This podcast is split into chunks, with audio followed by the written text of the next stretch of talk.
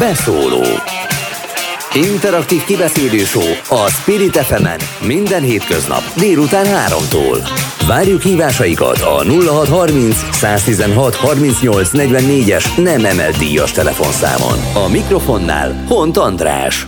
Szép délutánt kívánok mindannyiuknak, és én bele is kezdenék, mert a vonal túlsó felén Bukovics Martin, újságíró, aki az azonnalinak az egyik főszerkesztője volt egészen a múlt hétig, de erről a hétfői adásban már esett szó, szóval Martin van velünk. Hello!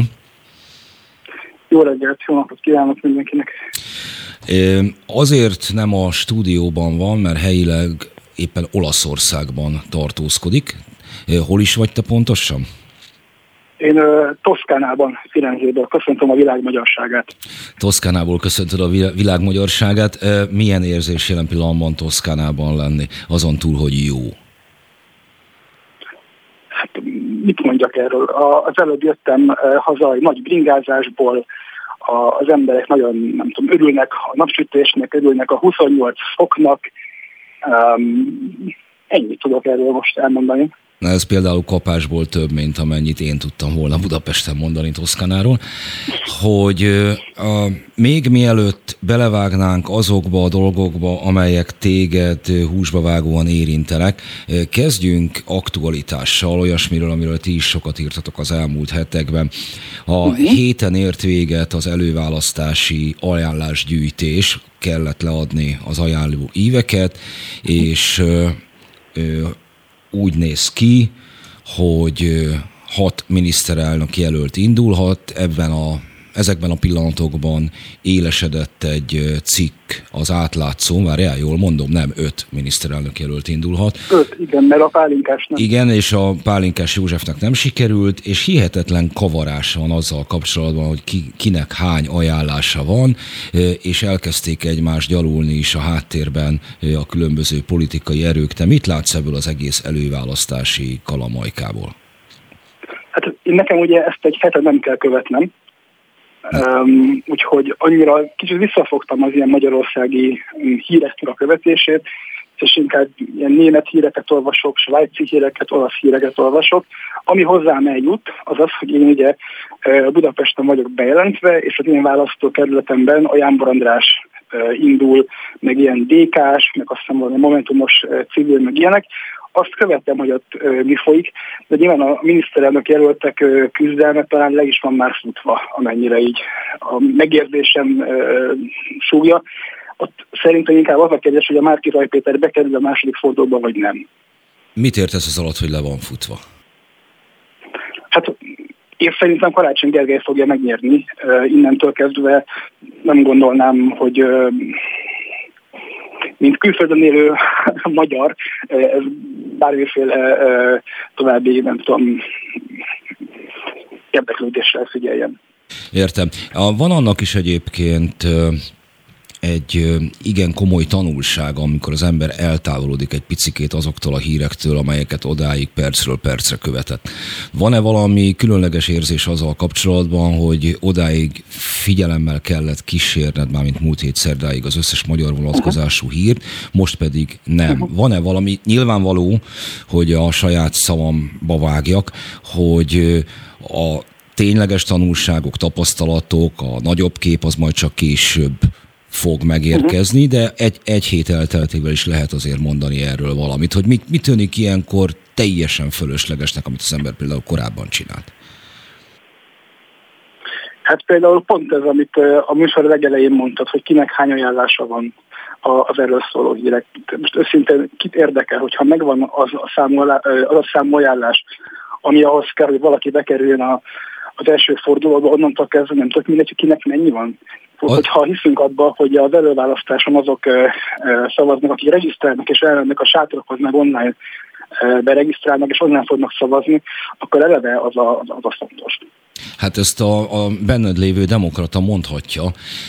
Azért nem lényegtelen, vagy a pártok szempontjából azért lényeges, mert ez ilyen big data korban élve adat, adathalászra alathalászatra épülő logisztika helyettesíti a politikát, és úgy néz ki, Persze, hogy... De pont ezek a pártok mondják azt, hogy nem ez számít, hiszen az számít, hogy te elmenjél, és te szavaz.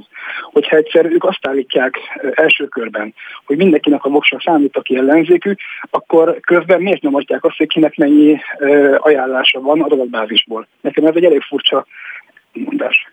Tehát ezt vehetjük ellenzéknek szóló kritikának is. Egyébként még szebb... Hát a... nem is sok ilyen volt, úgyhogy lehetjük annak ilyen.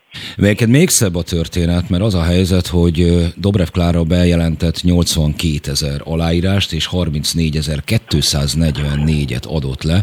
Én nekem majdnem egy napomba került a DK különböző bugyraiba telefonálgatva néhány mondatot kicsikarni azzal kapcsolatban, hogy mi lesz annak a közel 50 ezer aláírásnak a sorsa, amelyet még nem adtak le, és amelyet egyébként jogilag le kéne, ugyanis mind a hat párt adatkezelőnek minősül az összes aláírásgyűjtő ívet illetően.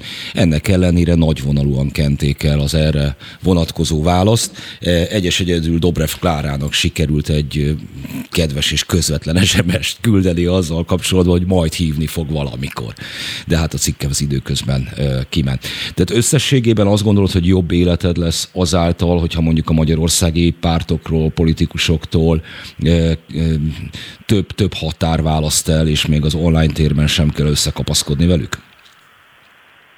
Hát én remélek egy ilyet, aztán meglátjuk. Simán lehet, hogy egy idő után hiányozni fog. Simán lehet, hogy egy idő után, nem tudom, lesz egy ilyen perverz, nem is tudom, visszavágyódása az embernek, hogy akkor, akkor visszakövetem ezeket az embereket, stb.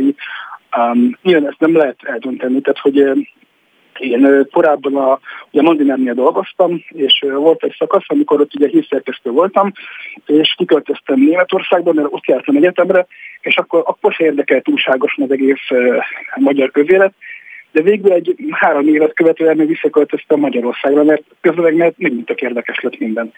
Tehát, hogy nem zárom ki, de egy biztos, hogy, hogy nem feltétlenül tesz rosszat az embernek, hogyha az egyik legmocskosabb választási kampány, a 2022-es, az, az, az nem fogja teljesen direktben élni, és, és nem kell napi 12-14 órákat ezzel foglalkozni. Hát amúgy is van egy kisgyereket, tehát az azért mondjuk az érzelmeid és érdeklődésednek egy jelentős részét leköti. Nem, nem, nem biztos, hogy hajlandó, vagy nem biztos, hogy lennél amúgy is olyan állapotban, hogy a magyar politika be tudjon borítani, nem? Nem is az, hogy beborít, hanem inkább az, hogy egy ilyen eléggé munkamányos ember vagyok, és hogyha van egy, egy olyan dolog, amit szeretek csinálni, én akkor nem állok meg annál, hogy ez egy napi 8 órás munka, hanem akkor azt tényleg csinálom. Üm, és ezért. De, ja. Feleségednek, feleséged vagy pár gyermeked, anyja, gyermeked anyjának egy ma megjelent írása a magyar sajtóval foglalkozik, és a, mindezt azért mondom, meg kérdezni akarom azt, hogy azt említetted, hogy munkamániás vagy. Én jól ismerem ezt a drogfüggő ö, működést, amikor az ember egyszerűen nem tudja... Nem vagyok drogfüggő, tehát hogy nem, drogozom, semmiféle ilyet nem szedek. Tehát, hogy... A drogfüggés alatt a munkamániát értettem, tehát a, az, újság, az, új, az újságírónak azon mű, mű, működését, hogy, hogy nagyon rá van csavarodva valamire. Én sem élek Igen. tudatmódosító szerekkel az alkoholon kívül, de erről majd beszélni fogunk majd még a borokat illetően. Szóval, hogy mennyi, mennyire érzed magadat a, a magyar sajtóban e, különlegesnek, magányosnak, itreketnek, tehát mennyiben általános ez a fajta e, rápörgés még, ami egyébként annak idején azt hiszem, hogy a sajtót is még egy-két ilyen értelmiségi szakmát száz százalékig jellemzett és tekéletesen megterhelte a, ezen emberek családi életét nem tudom. Tehát, hogy nem nagyon látok bele abba, hogy más szerkesztőségeknél mit történik. Ugye van egy ilyen privát újságíró csoport a Facebookon, de remélem ezzel nem árulok egy nagy titkot, ahol ilyen elég ilyen belterjes haverkodás, meg ilyen mindenféle dolgok mennek, egymás kibeszélése, stb. Én hát ebből tudatosan nem veszek részt, ezekből mind kiléptem, mert nem tudom egy ideje, mert egyszerűen untat. És éppen ezért nem tudom pontosan, hogy mások ehhez hogy állnak hozzá, én, én abból indulok ki, hogy, hogy én például a Hírek 36-on látok, az átlátszón látok, több magyar helyen látok, az alapján azt látom, hogy, hogy nagyon sok, nagyon lelkismeretes munka, nagyon-nagyon sok nagyon jó cikk jelenik meg, ebben a témában máshol is, úgyhogy szerintem lesz mit olvasnom. Jól van. A Facebook csoportokról is beszéljünk majd a későbbiek során, ugyanis volt az életünknek egy olyan szakasza, amikor egy ilyennek közösen voltunk a tagja, sőt most is más jellegűnek, de az akkor meghatározó volt a, a magyar sajtóban. Erről és a közösségekről szeretnék majd még veled két szót ejteni, de mintán a Mandinert szóba hoztad, illetve az előző válaszodban az ellenzéki lét előkerült, erről hadd érdeklődjelek némileg. Te hova sorolod magadat, meg, meg milyen neked mondjuk a magyar politikához való hozzáállásod, ellenzék, kormány, Fidesz, nem Fidesz viszonylatban? Mert hát hiszen a Mandiner még akkor is, hogyha nem tartozott a NER-hez Tombor András tulajdonosi belépőjéig, inkább állt olyanokból, akik ebből a polgári underground, magukat jófejkedő Fideszesnek mm. beállító személyekből érkeztek, vagy abból verbuválódtak. Hogy érezted ott magadat? Mm. Tök jól. Nem volt? Nekem, nekem az úgy volt, hogy amikor 18 éves gimnazista voltam, akkor, sőt, mert 16 évesen nagyon untam magam a gimnáziumban, és volt egy ismerősöm, akinek volt egy civil egyesülete, és ő mondta nekem, hogy egyébként van egy csomó EU-s pályázat így a világban, mert ezeket meg lehet pályázni, ezek adnak sok pénzt az embernek, hogyha van valami ötlete. Én még mindig is újságíró akartam lenni, ezért fogtam magam, és emlékszem, hogy a nagypapámnak a házában, Potsdamban, a nyári szünetben odaültem a papámnak a nem tudom, ezer éves gépéhez, még ilyen ISDNS, nem tudom, mintálata volt, tehát ilyen, ilyen, talán még ilyen betárcsázós hang is volt az elején, és akkor ott le is töltöttem a dolgokat, megírtam a pályázatot, elküldtem az ismerősömnek, hogy akkor ez így jó-e, és akkor mondta, hogy persze, beadtam, kaptam egy csomó pénzt, eurót, és ebből csináltunk egy alternatíva nevű újságot, és hogy ez Budapesten is több helyre eljutott. És akkor engem, akkor ilyen 18 évesen megkeresett több uh, újságíró is, meg illetve heti lap, napi lap, hírportál is, hogy lehetnék hogy gyakornak. Egyedül a Mandiner mondta azt, hogy ők amúgy fizetnének is. Na most én meg fia vagyok ingyen dolgozni, úgyhogy nyilván azt választottam, akit a legjobban ismertem, ez egyébként Alacsányi Gellért volt, és a, és a, és a Mandinert. És ezt adatosan bántam meg, szerintem tök jó kollégákkal lehetett ott dolgozni, tök jó volt a csapat, tök jó volt minden. Én ezt a jófejkedő Fideszes dolgot nem nagyon értettem meg, nem nagyon láttam ott jófejkedő Fideszest, inkább láttam ott tök jó fejű újságírókat és tök jó csapatot. Hát mondjuk például Rajcsányi Gellértel politikai vitát folytatni, az egy igen megterhelő feladat. Volt, volt Jó, én nem folytattam vele politikai vitát az elmúlt nem tudom hány évben, én ezt az akkori állapotra mondtam, ami nem tudom mikor volt, 2010 környéken. Igen, és az alternatívát említetted, hát onnan ez érdekesen fonódik egybe az életetek. Nem egyedül kerültél ki abból, a, abból az alomból tehát a, a, ebből a győri alternatíva laptól, hiszen, és akkor térjünk rá az azonnalira, írt oda, ha jól uh-huh. tudom, a, az a megbízott főszerkesztő, aki most téget vált az azonnali élén, annak a lapnak az élén, amelyet alapítottatok páron, miután a Mandinert egy az egyben vette át a Fidesz. Én mondok jobbat, hogy az alternatívával... Ne, kérek szépen, azt, is. köszönöm szépen, azt akartam mondani, hogy ne, ne, ne, mond, ne mond végig, mert ha azt akarod, hogy itt, itt, itt álljam meg a szívem és szívinfarktusban szedjenek össze a kollégák, ezt nem biztos, hogy kellett volna, de mindegy. Tehát igen, tehát Pintér hát Bence, igen. igen. Igen, hát ő is, igen. Nekem mondod. Szóval, tehát megcsináltátok a, a Mandinert követően az azonnalit. Mi volt az elképzelés? Milyen lapot akartatok készíteni? Hát olyat, amit mi is olvasnánk. Ami ennél egy kicsikét részletesebben, mert amikor ezt le kell briefelni egy értekezleten, hogy ti is olvasnátok, akkor ezt mi az, amit felskiccelsz? Hát az, hogy jó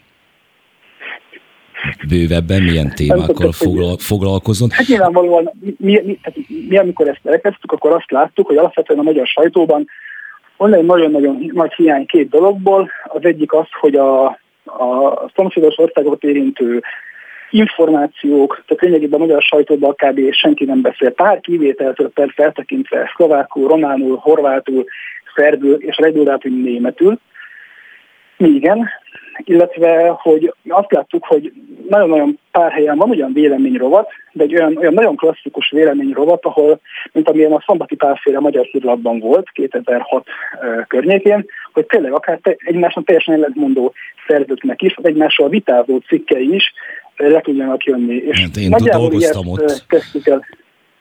Igen, igen. Azt tudom, tudom, tudom. Hát én olvas, amikor én gimnazista voltam, akkor nekem az a magyar hírlap egy óriási élmény volt, nekünk otthon a népszabadság járt, én pedig, hát nem tudom, valaki, egy festőművész családi ismerősünk mondta, hogy de Martin, te inkább olvasd a magyar hírlapot, az sokkal jobb. És akkor mindig megvettem, és akkor láttam, hogy ez tök jó batus, hát ide, ide, ide Stumpf András ír, Hont András ír, stb. De hogy ide tök jó. Tehát mindenki, aki, aki tud írni, aki jól ír, aki érdekes, az itt van. És akkor minek vegyek fel, minek vegyek nem tudom, még három másik újságot, hogyha tényleg itt mind a cikkek ilyen tökre um, tényszerűek, de jól vannak megírva, tehát egy ilyen abszolút szuper-szuper csomagnak fogtam fel, és kicsikét ez a fajta, nem tudom, élmény mindig is végigkísért, amikor mondjuk akár mikor ilyen szerkesztői, nem tudom, munkám volt akár a Mandinernél, vagy akár az Uzonmalinál is, hogy kicsit valahogy így ezt, ezt a hatást így visszaadni. Tehát erős vélemény, rovat vagy vélemény, részleg, illetve regionális érdeklődés. Mi volt a tapasztalatod azzal kapcsolatban, hogy az olvasói figyelem ezen szomszéd csági írásokkal kapcsolatban mekkora? Hát Nekem ezzel kapcsolatban volna, volna, vannak nagyon keserű tapasztalataim nagy hírportálnál dolgozva, meg onnan a, eljöve. Hát igen, hát ez egy réteg téma azért.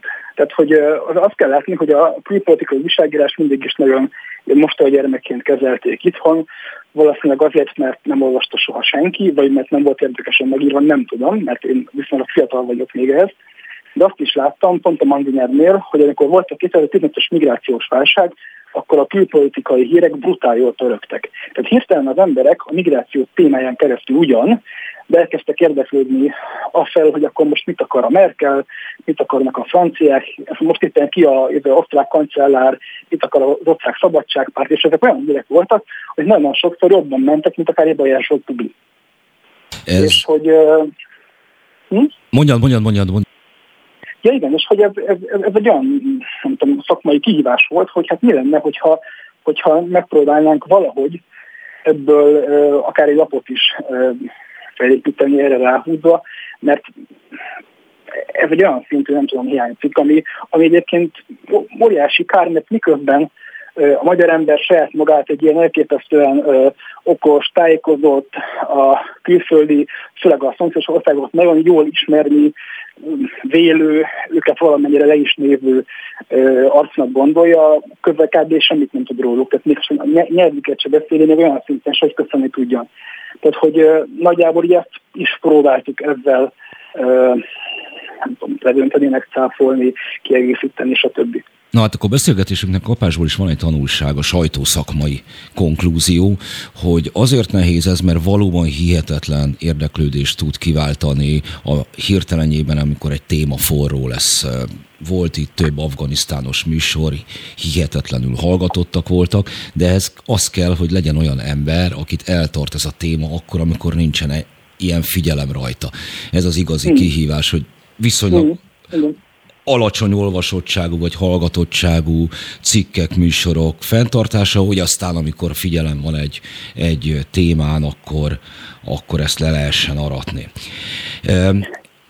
Egyrészt, másrészt, bocs, hogy közbeszólok, de Nem, másrészt meg szerintem meg kell próbálni ezeket a, a, a fenntartani hosszú távon. Tehát meg kell tudni, és meg kell próbálni úgy megírni ezeket a cikkeket, olyan címet adni nekik, olyan leadet, olyan Facebook ajánlót, stb., amikkel ezek a, a cikkek hosszú távon is jól tudnak menni, és a téma iránt érdeklődés sem marad. És szerintem az azonnalinál nekünk nagyon sok esetben sikerült is. Na most ennek ugye egyik része a határon túli magyarok, amivel kapcsolatban egy másik fájdalmas megállapításom az elmúlt évekből, hogy ők egyszerűen nem léteznek, nem léteznek a, a irántuk elvben roppant mélyen elkötelezett jobboldali közönségben sem, mert a fejükben egy ilyen imaginárius, egy ilyen elképzelt határon túli magyarság van a valós, a valós problémáikkal, az ugyanúgy a 21. századi mi voltukkal együtt nincs. Tehát egy ábránd, ábránd van csak határon túli magyarságként, és nem, nem valóság. Noha egyébként mondjuk cikket rendelni, Csíkszeredáról, vagy Újvidékről nem egy, nem egy reménytelen vállalkozás.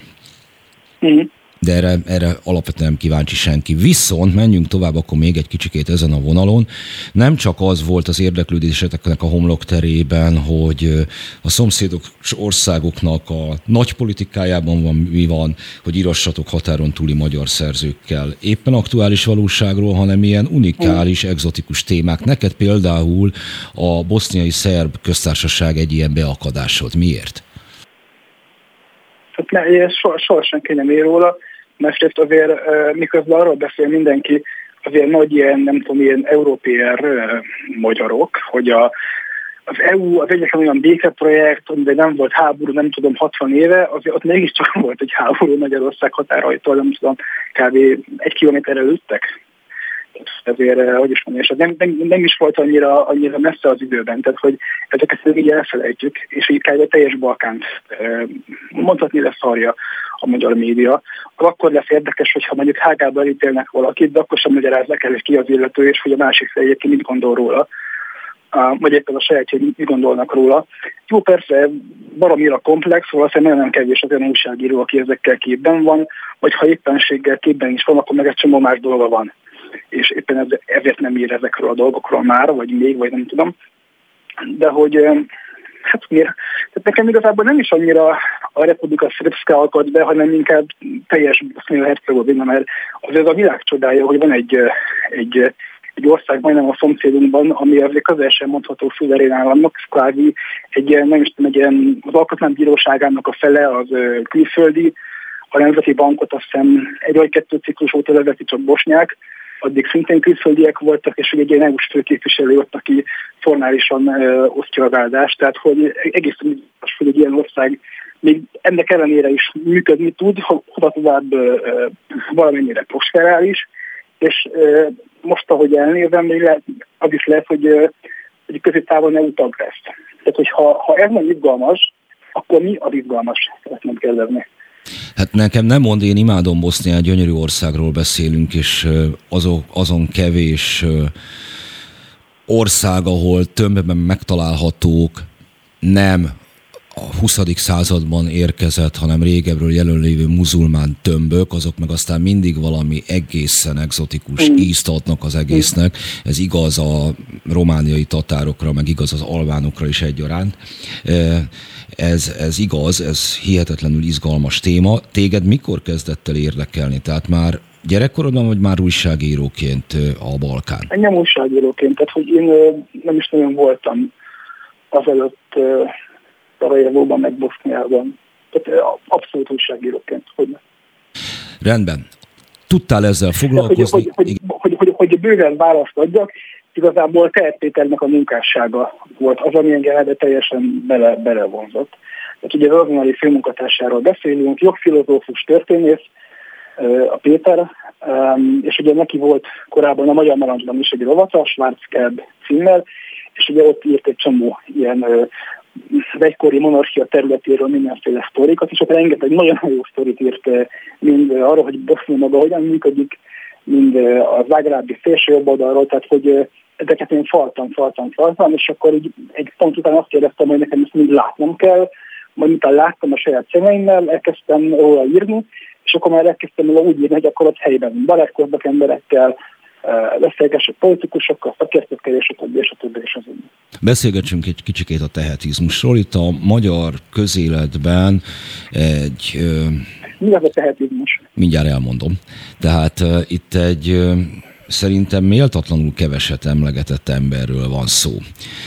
Hozzánk hasonlóan furcsa fiú Péter, de hát az én rovatomnak a HVG-ben oszlopos tagja volt volt benne részem, hogy nem a heti válaszos, meg nem tudom milyen karrierje folytatódott tovább. Ő hmm. beszél valami 12 nyelven, nem? Hát, alsó hangon. Amikor megcsináltátok az azonolit, és az első cikket talán... Tehát, tehát, hogyha, hogyha szerb, horvát, bosnyák, nem tudom mi az külön nyelv, akkor lehet, hogy 16 is megvan, igen. Jó, én nem számoltam, de Amikor megcsináltatok az azonnalit, akkor őt kapásból elhoztátok, ha minden igaz, ő is írta az első cikket, oda, nem? Hát az úgy volt, hogy tehát, igazából ő, meg az azonnali viszonya nagyon speciális, tehát ő hivatalosan, mint nem tudom, főmunkatárs, akkor kezdett el nálunk dolgozni, amikor Ungár Péter 2018-ban beszállt. De előtte is lényegében a magyar nemzetes munkája mellett tök ingyen küldte hozzánk a cikkeket. Nem tudom miért, azt tőle kell megkérdezni, hogy, hogy miért. Érted. Hogy, hogy, tehát egy ilyen tiszteletbeli azonnalistat mindig, és igen, a leges-legelső cikket azt ő írta, a címe azt, hogy kezdődhet a újságíró siratás, és a Bea és én Manzinertől való távozásomat egy ilyen stílus paródiában mesélte el. Bogár László, Schmidt Mária, Böcskei Balázs, Széki János, és még másoknak a szájába adva pár mondatot. Igen, igen. Most pont most olvastam el a Bea cikke miatt újfent. Ki van, ki olyan személy van még? Nem, szóval, és a Péter az, aki például képes olyan vezető, egykori vezető nyugat-európai politikusokat és egyéb szereplőket meginterjúvolni, akiket valami miatt a magyar sajtó soha nem ültet le egy asztal mellé. Ennek szerinted mi az oka? Mármint az hát utóbbi. Valami egyszerű. Én ezt testközelből láttam többször, és hogy ez hogyan működik.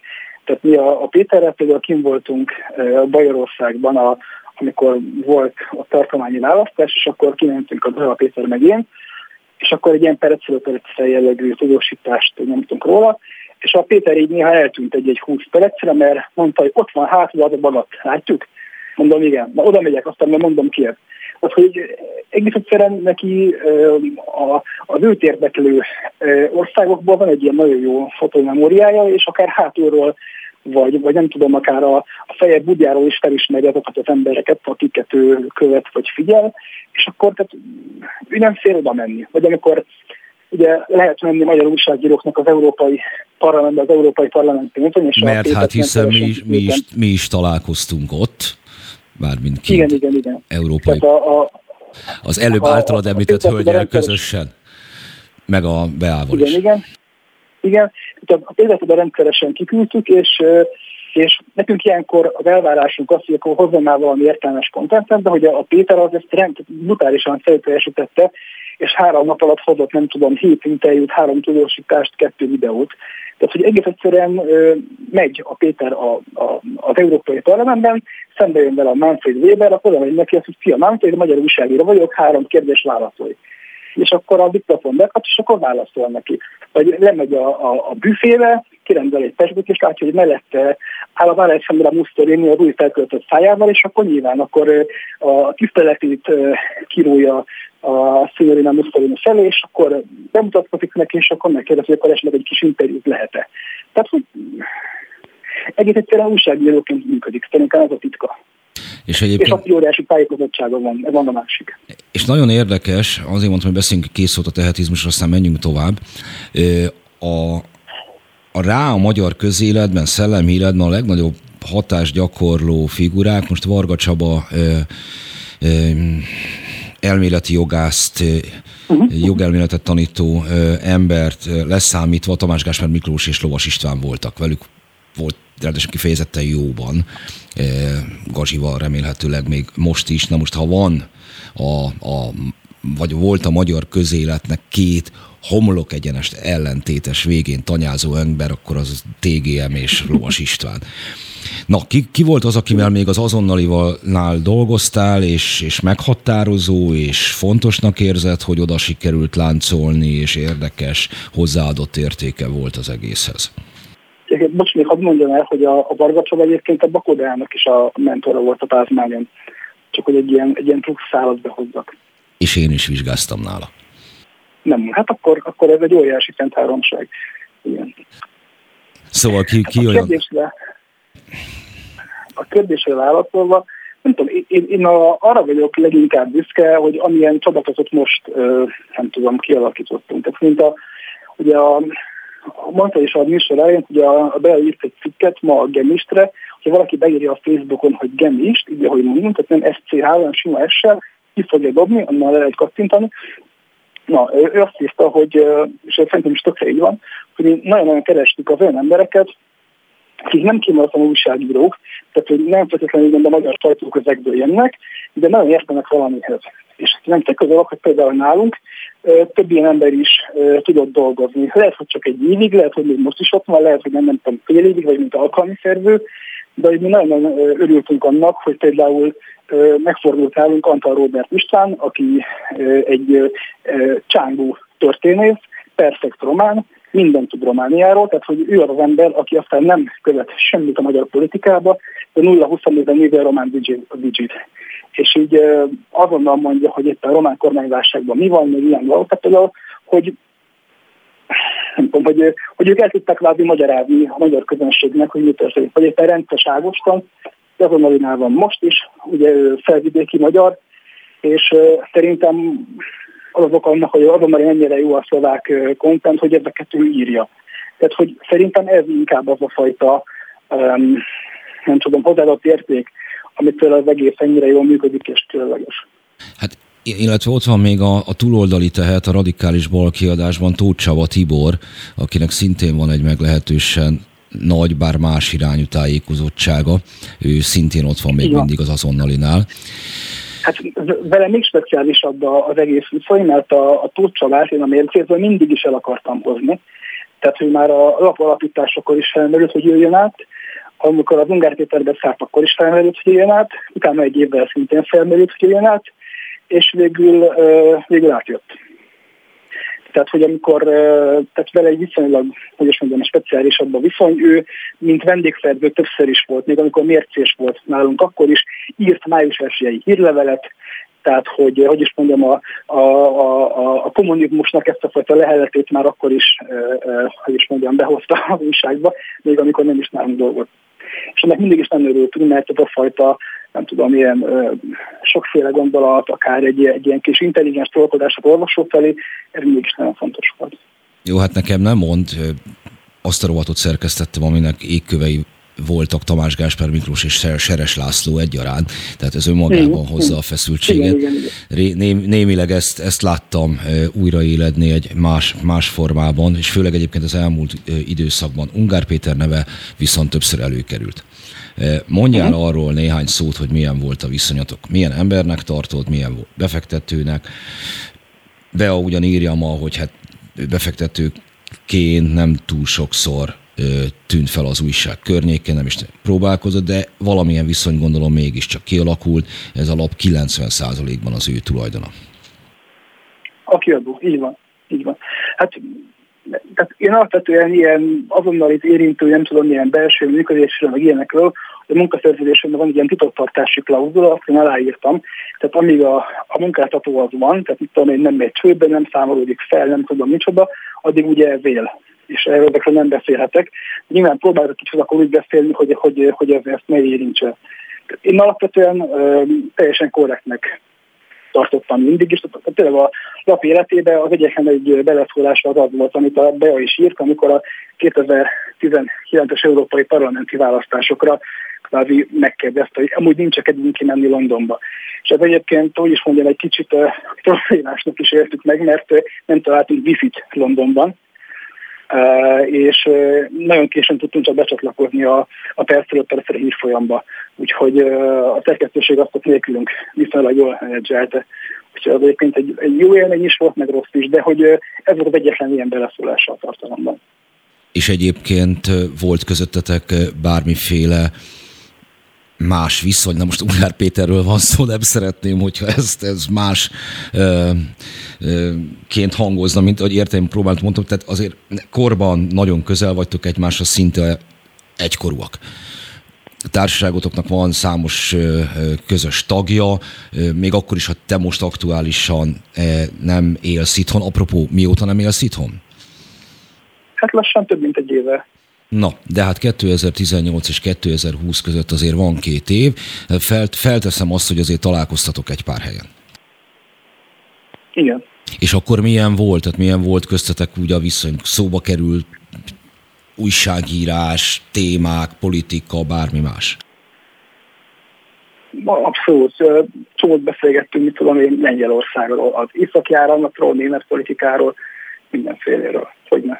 És akkor ehhez képes szép nagy ugrással elérkezünk múlt hét szerdáig, amikor is menesztettek téged a főszerkesztői székből, sőt, hát a munkaviszonyodat is megszüntették egyből? Nem. Van ez a, micsoda, ilyen felmondási idő, és az alatt nem kell munkát végezni. Most a munka, amit Tehát felmondta. amiért mondom, fizetnek, az az, hogy most interjút adok. Értem. Meglepette. Nem, tehát, hogy én meglepődtem-e? Igen. Ja, én, én, én persze, persze. Ne, ennek te semmi előjelét nem láttad. Na.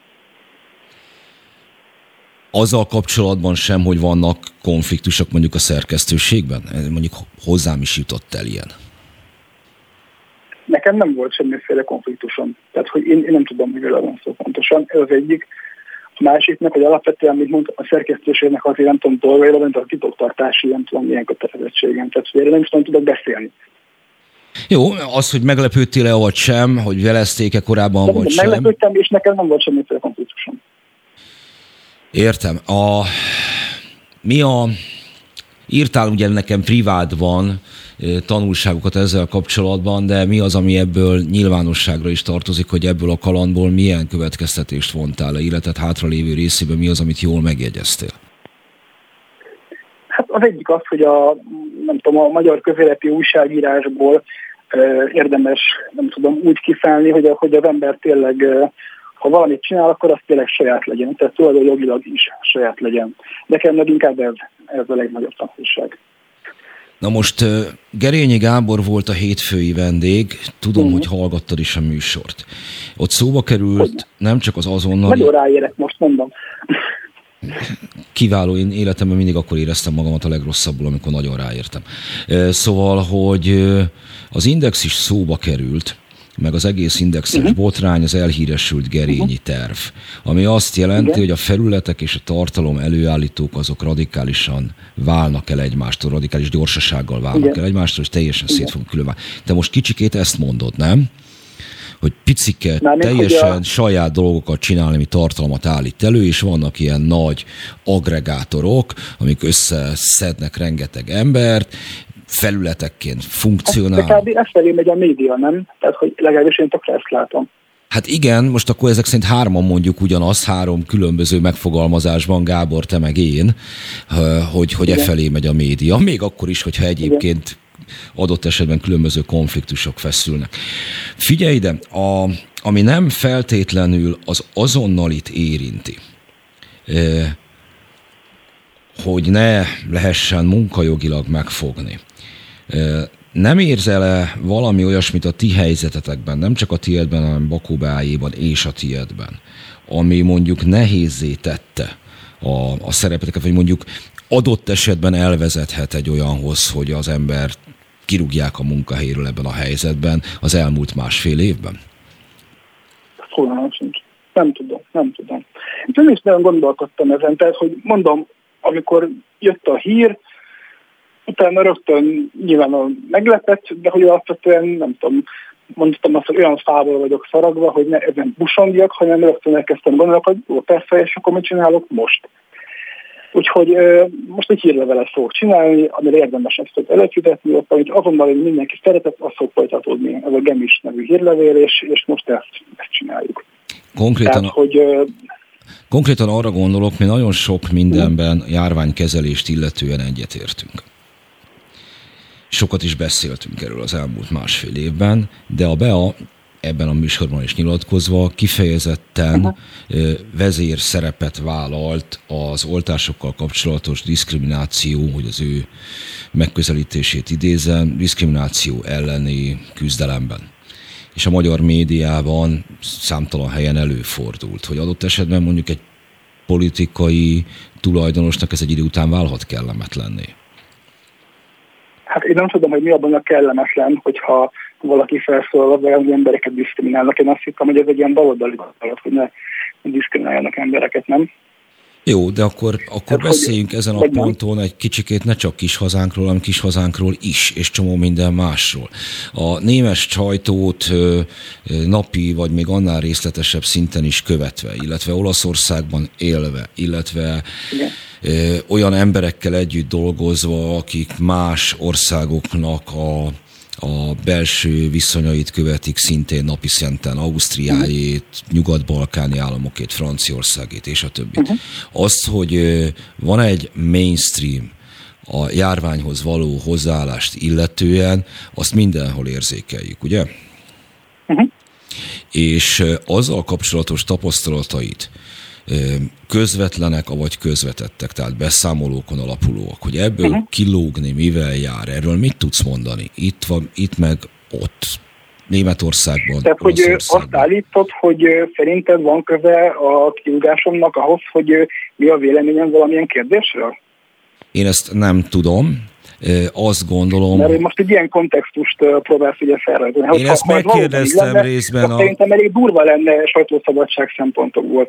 Tehát, hogy akkor nagyon remélem, hogy a, hogyha ez tényleg így van és bebizonyosodik, akkor a Freedom House jelentésébe szerepelni fog. Ez nem fog. Nem fog. Nem fog? Nem fog. Nem fog. Nagyon érdekes helyen vagyunk. Szerintem a, szerintem a Taliban e, Békel Nobel-díjra fogják felterjeszteni, hiszen az egyetlen olyan szempont, amit jelen pillanatban a világ mérlegel, azt kiválóan fogják ők kezelni. Igen, igen, igen. De nem csak, hogy maszkosok, hanem meg fogják szüntetni a koronavírus járványt Afganisztánban. Hmm. Ugyanis, ha valaki statisztikát akar csinálni, ezt lelövik. De kiválóan lesz, és illetve ünnepelni fogják minden egyes alkalommal Új-Zéland baloldali kormányát, amely kettő darab fertőzöttre úgy gondolja, hogy lezárja az egész szigetet. Szóval azt akarom mondani, hogy jelen pillanatban ez van, de nem bocsánat, csak Magyarországon. De hogy Venezuelában, tehát Venezuelában is brutálisan alacsony Covid számok vannak, és azt még segíteni senki.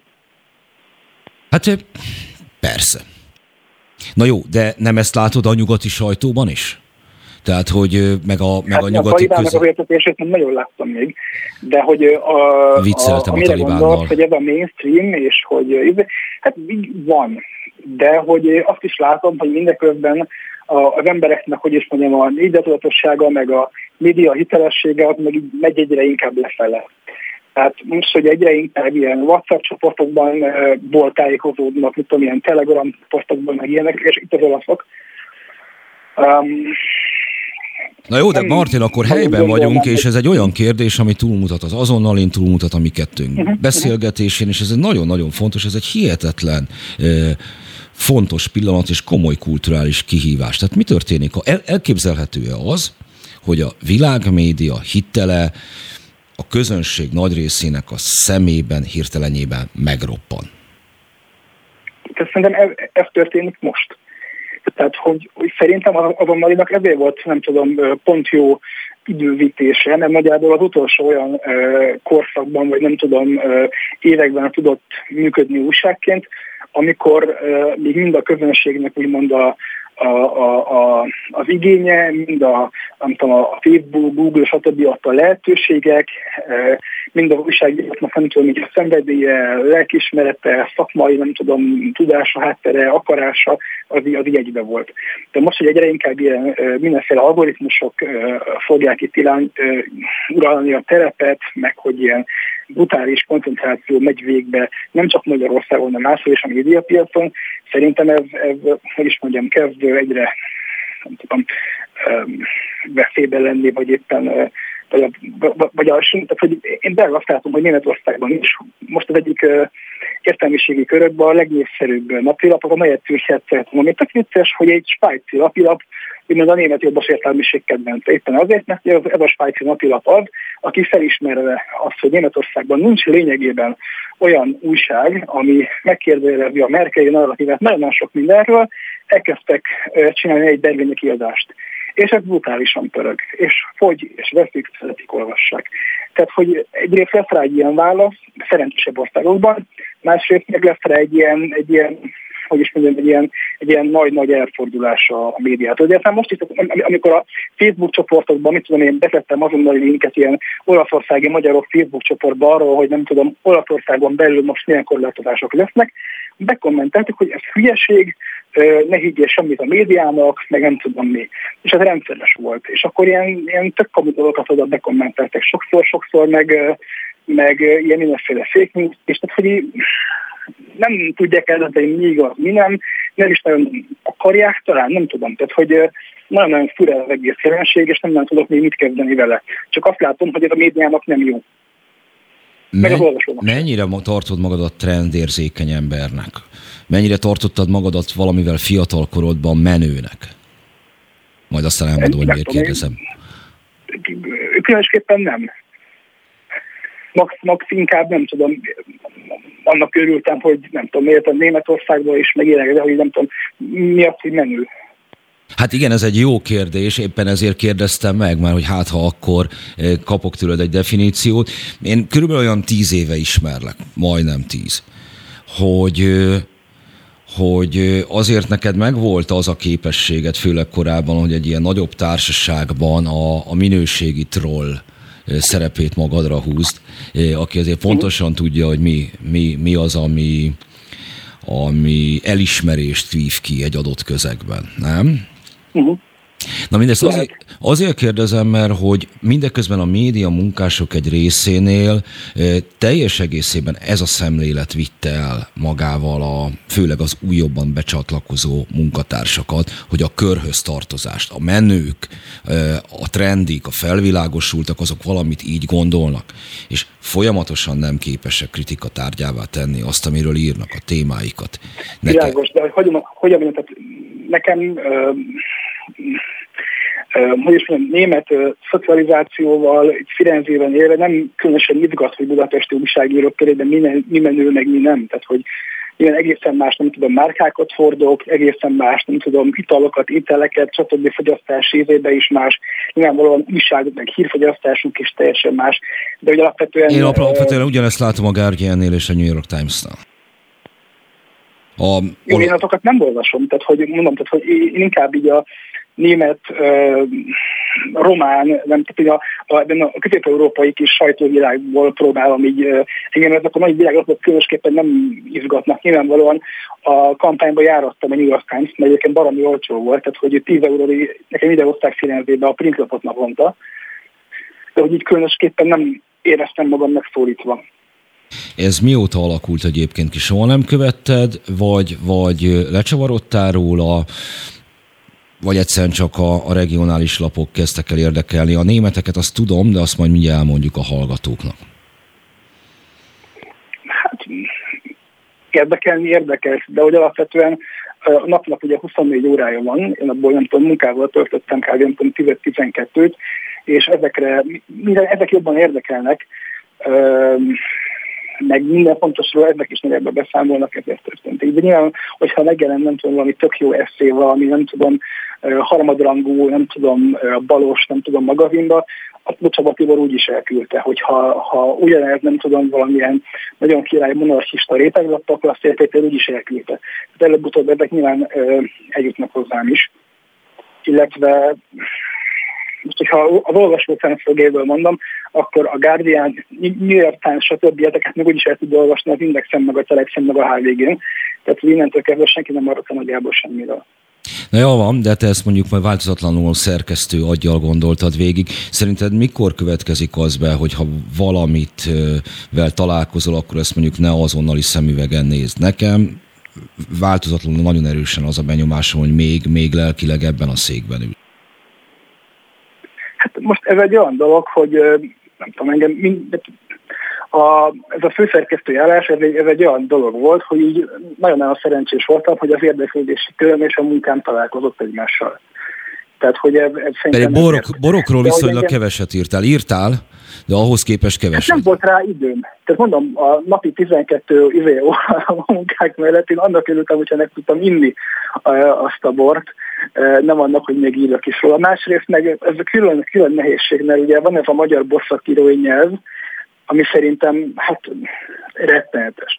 És, és nem nagyon tudok úgy írni legalábbis én magam borokról, hogy ez nekem is érdekes és állatú legyen. Ezt szerintem Magyarországon a Jónás Csaba tudja a művelt alkoholistán, szerintem a ikei borokról, hogy azt ő csinálja.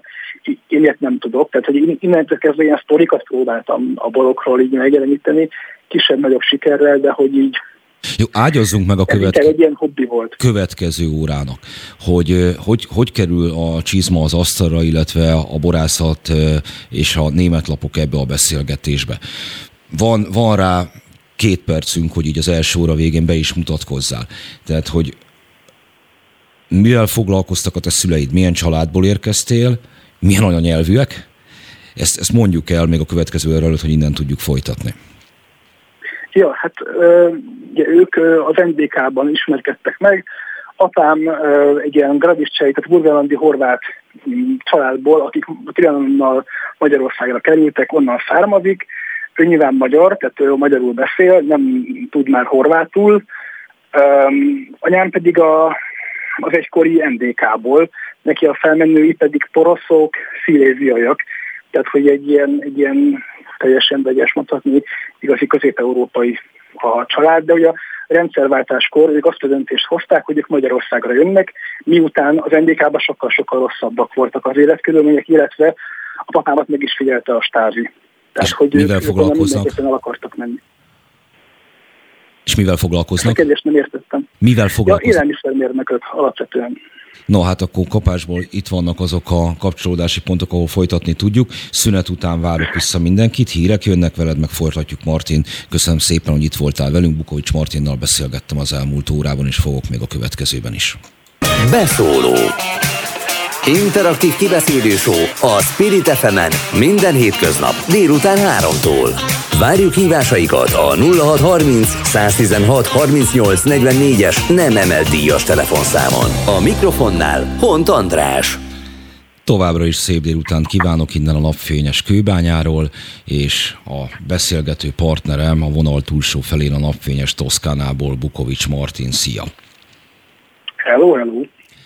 Az elmúlt órában arról beszélgettünk, miután az egészen a múlt hétig az azonnali főszerkesztője voltál, hogy mi volt ezzel a lappal, a te újságírással kapcsolatos történeted, munkatársaid, témák, és sok minden más. Azzal ért véget az óra, hogy, hogy pár szót ki erőszakoltam belőled magadról, szüleid élelmiszer ipari mérnökök, és édesanyád német. Ebből következőleg borokról és német választásról is fogunk beszélni, de most maradjunk még egy kicsikét azzal, ami szerintem egybefügg az azonnali e, körüli történésekkel is, e, viszont világjelenség, és nem sikerült teljesen kibogoznunk, hogy hogy szerintem most az van, hogy nyugaton is nagyon könnyen a mainstreamen kívül találhatja magát, sőt nem is a mainstreamen, hanem még a megtűrt kategórián is kívül találhatja magát, amelyik ezzel a nagyon szigorú lezáráspárti alapvetően az elitben megjelenő fősodorral megy szembe. Mennyiben látott te ezt így? Mennyi, és mennyiben vitatod? Hát a helyzet az, hogy erről eddig egy ilyen komolyabb cikket láttam a német sajtóban, de berakták például meg, hát nem olvastam el. én azt látom egyébként, hogy a mainstreamben például pont Németországban egyébként meg, meg tudnak szólalni ezek a hangok. Tehát hogy például van az uh, Ulrike Guerrero, aki, aki egy ilyen baloldali alapról kritizálja az egészet, és például uh, itt rendszeresen hívják torsokban, majd napig meg publikál lapokba illetve tehát, hogy szerintem nem annyira, hogy is mondjam, a, a, a magyarországi médiával megint csak egy ilyen furcsán szűrt kép jut el erről, de nyilvánvalóan vannak inkább azt mondom, hogy próbálkozások arra, hogy őket valahogy nem tudom, hiteltelenítsék, stb. Um, de ez nem is annyira az elitnek nem tudom ez a felfogása, hanem valamennyire az is, hogy nagyon sok országban igen, ilyen nagyon vók fiatal aktivisták lették el a szerkesztőségeket, mert hogy például nem tudom, német lapnál ahhoz, hogy ott valaki mondjuk egy jobb pozícióba eljusson és egy érdemi fizetést kapjon, az legalább tíz évi tapasztalat kellene a lapnál, ami egy olyan státuszt kap. Most ki az a hülye, aki egyetemről frissen kijöve, nem megy el mondjuk startupernek, és keresi meg ezt a pénzt, nagyjából két év után, egy csomó nyilván ingyen munkába, de két év után, hogy van egy saját cége, és, és, és csinálja a dolgait. Németországban van ennek egy, egy ilyen vetülete is. És nagyon azok a mondhatjuk akár őket aktivistáknak is, nagyon, nagyon sok szerkesztőségben átvették a hatalmat, és, és nyomás alá helyeztek akár ott dolgozó régebbi szerkesztőket, és mindenféle ilyen szexizmus, mítú, ilyesmi vádakkal. Tehát ugye ezekre vannak konkrét példák is Németországban. Magyarországon is. Amerikáról pedig ne is beszéljünk. Szerintem ez a folyamat, ez, ez van, ez létezik. Szerinted hová vezethet? Még kellően fiatal vagy ahhoz, hogy, hogy múlt időben beszélj arról, hogy beezeg a te idődben ez hogy volt, tehát még téged is az életed bőven nagyobbik részében érinteni fog az, hogy ennek a folyamatnak mi lehet a vége. Mm-hmm. Hát én szerintem ennek az lesz majd a vége, hogy új vonalak alakulnak ki, akkor lesznek, nem tudom, hogy mond a ilyen, mondhatom, jóban lesznek, lesznek bizonyos bástyái, meg, meg lesznek ennek tudom, bástyái, és nyilvánvalóan ebben izgalmas lesz figyelni akár azt a küzdelmet is, ahogyan mondjuk a alaptulajdonosai és a menedzsment küzd ezekkel az aktivistákkal szemben. Akár ilyen is lehet. Egyébként nem, nem vicces, mert nekem pont az egyik tökre balos német lapilapnak a, az egyik vezetője mondta informálisan, hogy például ő azért lépett le a főszerkesztésbe, de nem tudta elviselni ezeket a visszatáríbokat, ahogy ő mondta. Így van, ez, ez egy létező jelenség.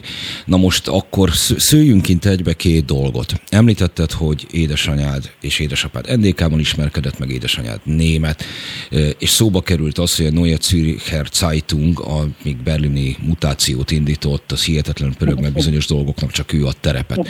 Mi vársz te a német választástól? Megjelennek ezek a szempontok, tehát járványkezelés, akkor ez a progresszív nyomulás a német választásokban. Mert ugye innen azt vetíteni előre, hogy egy brutális zöld megerősödés van, a német történetem első zöld kancellárja lép hivatalba, ehhez képest minden máshogy van. Igen, igen. Hát nyilvánvalóan ezek a témák is jelen vannak, de hogy alapvetően nem ezek úgymond a fő témák, meg nem ezek azok a témák, amik azért a szerencsére a társadalomnak a nagyobbik részét látba hozzák. Hát, azt kell látni, hogy a, a német oldal, tehát mind a CDU, CSU, vagy pontosabban inkább a CDU, az inkább ebben a Covid nem tudom, politikában inkább egy ilyen, hogy is mondjam, életpárti, mert úgy értem, hogy szabadságpárti álláspontot képvisel, de bármi eset volt az, aki egy CDU kancellár jelöltje, aki már az első hullám végén kiállt a kamerák elé, és mondta azt, hogy jó, jó, tök jó, hogy eddig ilyen szigorúság volt, de most már lavítsunk.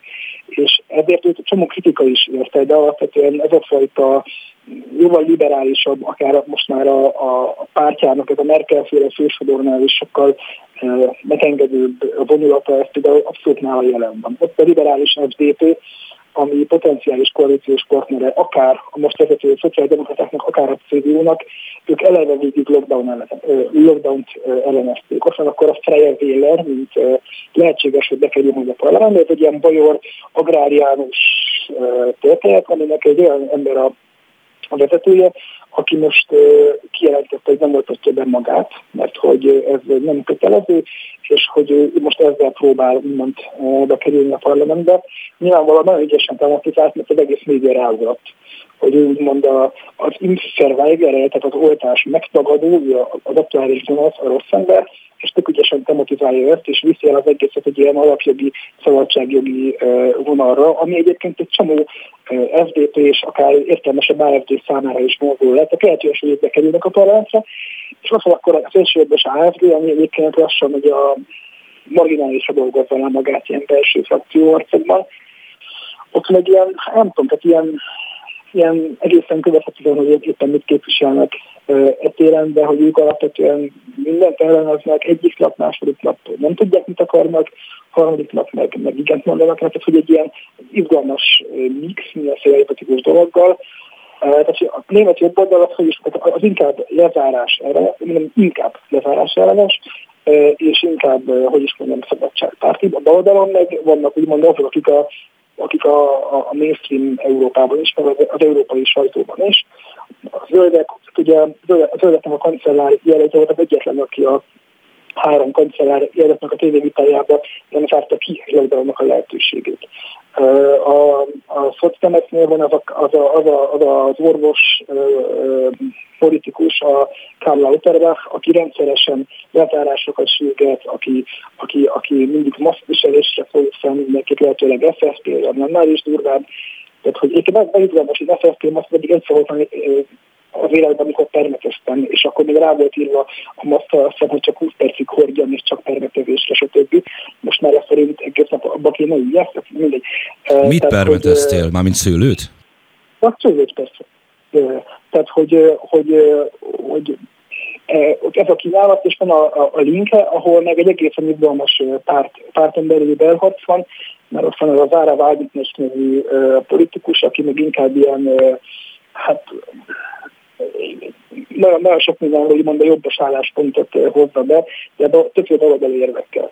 Tehát, hogy igen, jelen van ez a vonulat, de hogy szerintem, és lehetséges egyébként, hogy a következő maradék két és fél hétben ezt, ezt még ki tudják valahogy domborítani, de például a, a CDU-nak a jelöltje ármélását még abszolút nem villantotta meg egyébként, hogy egyébként neki még jól is jöhet ez a fajta engedékeny, minimális lockdown ellenesség és nyitáspártisága, amit annó képviselt nem, nem néz ki úgy, mint hogyha, mint hogyha ezt most bedobná a CDU, de ez neki egy tartalék, ami, ami, amit bármikor előhúzhat, és akár, és akár meg jól is kivetnek belőle. Legfrissebb hírek szerint azonban már a zöldek is rájöttek a CDU-CSU-ra, mármint a nyakukra há, mentek. Hát nem, bocsánat, hogy nem az, hogy ők mentek hanem a CDU-CSU zuhan le annyira, hogy most már a zöldeknek úgymond a zöldeket van közelebb, mint a szocdemekhez. Az egyébként roppant érdekes fejlemény lenne, hogyha a szocdemek adnának kancellárt, adnák a következő kancellárt, azok a szocdemek, amelyeket 20 éve temetnek.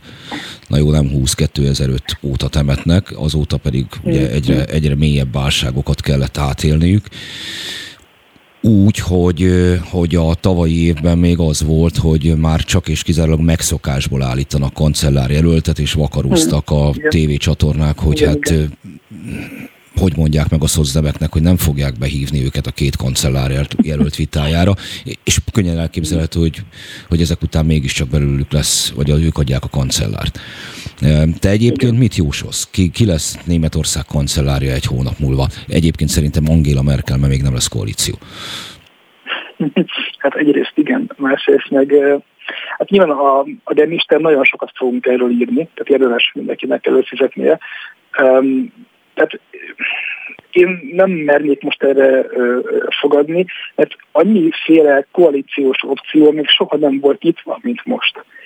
Tehát, hogy talán láttam a Spiegelnek van egy ilyen állandóan frissülő, tehát a, friss mérések alapján állandóan frissülő ki koalálhat kivel jellegű térképe, és azt hiszem most hét különböző opció van, és megnéztem, hogy a, a, a legtöbbben a zöldek és a szociálemek vannak benne. Tehát nekik van a legtöbb esélye arra, hogy kormányozzanak.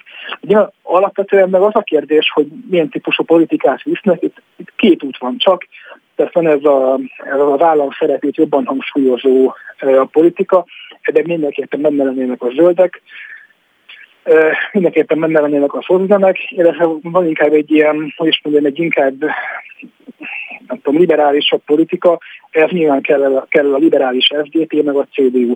Most az, hogy melyik az, hogy mi, milyen irányvonalat fognak követni, az nyilvánvalóan azon fog múlni, hogy a, a három, tehát meg csak három párti koalíciók lehetnek jelenleg szerint, hogy a három pártban melyik az a kettő, aki dominál.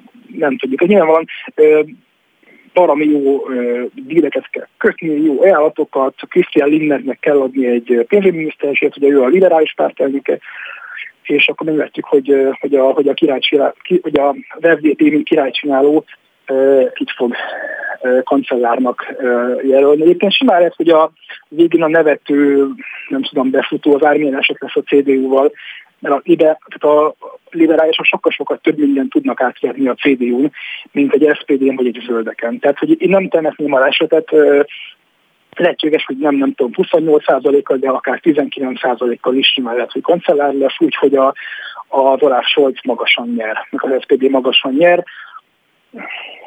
Ez egy, az egy, ezért, ez egy másik Németország lesz, mint amelyet a második világháború után volt módunk megszokni, vagy a különböző generációknak volt módja megszokni, ahol azért... Már Merkel óta egy másik Németország.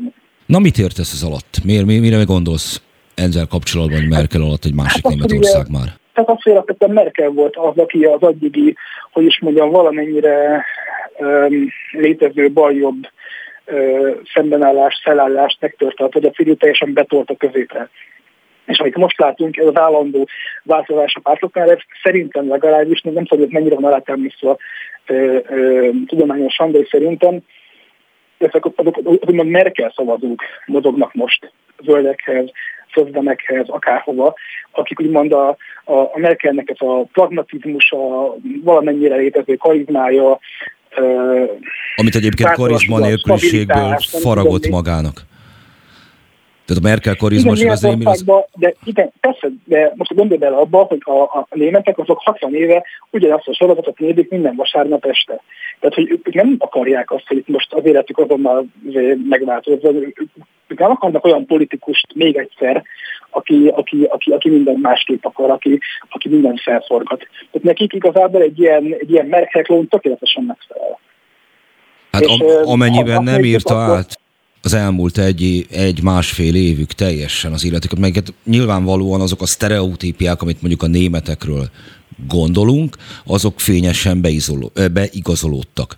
Tehát normakövetők, nagyon fegyelmezettek, ez, ez, ez mind, mind, mind, mind prezentálták. Csak hogyha kiderül, hogy ennek nem volt értelme, arra nem tudjuk, hogy ez a német társadalom miként reagál. Hát igen, de hogy ennek ki kell derüljön, vagy, vagy nem tudom, lehet, hogy fogalmam sincs, nem tudom. Tehát, hogy persze, de hogy ezt alapvetően meg kell akkor valakinek a politikáról is lovagolnia, és erre nem nagyon látunk kísérletet. Itt tényleg, a, ha azt nézzük, ilyen téren a liberálisok a legbátrabbak, akik, akik, a, akik azzal kampányolnak, hogy a, hogy a szabadság, a szabadságjogok, stb. De hogy ez most 13%-ra jó, miután a pártnak egy olyan imidzse van, hogy ez még mindig azért egy ilyen a szivarozó limuzinnal járó kapitalistáknak a pártja. Tehát, hogy Um, ami egyébként egy mindig jobb image, mint a volt SS tisztek pártja, ami ahonnan egyébként az FDP indult. Igen, igen. Ja, miért nem tudta ez, ezt? Jó, igen, igen. Miért nem tudta egyébként az AFD beváltani azokat a reményeket és azokat az energiákat becsatornázni, amelyek a német mainstream szembeni elégedetlenséget, vagy az elégedetlenségből jöttek. Miért, miért nem tudott egy kihívó pártá válni? Szerintem erre nagyon egyszerű a, a válasz a borzalmas tagság miatt. Az AFD-ben egyszerűen 2013-ban alakultak, akkor még egy ilyen úgymond professzor, professzor pártként, tehát ezek ilyen mindenféle a CDU-nak, FDP-nek különböző jobbszárnyán lévő értelmiségiek, közgazdászok alapították meg azzal a nem titkolt szándékkal, hogy úgymond a, az osztrák FPÖ és a, a CDU közé belülnek valamit. Tehát kvázi egy ilyen, hát egy ilyen FDP-s gazdaságpolitika, a CDU-s társadalompolitika, de provokatívan, humorosan, valami ilyesmi volt ugye a terv, de hogy a, a, pont a migrációs válság alatt, 15-ben volt egy hogy a párt alapította bennünket, az kvázi a párt azt, is köpte. Egy kongresszuson ott, ott inzultálták, mindenféle, le is váltották.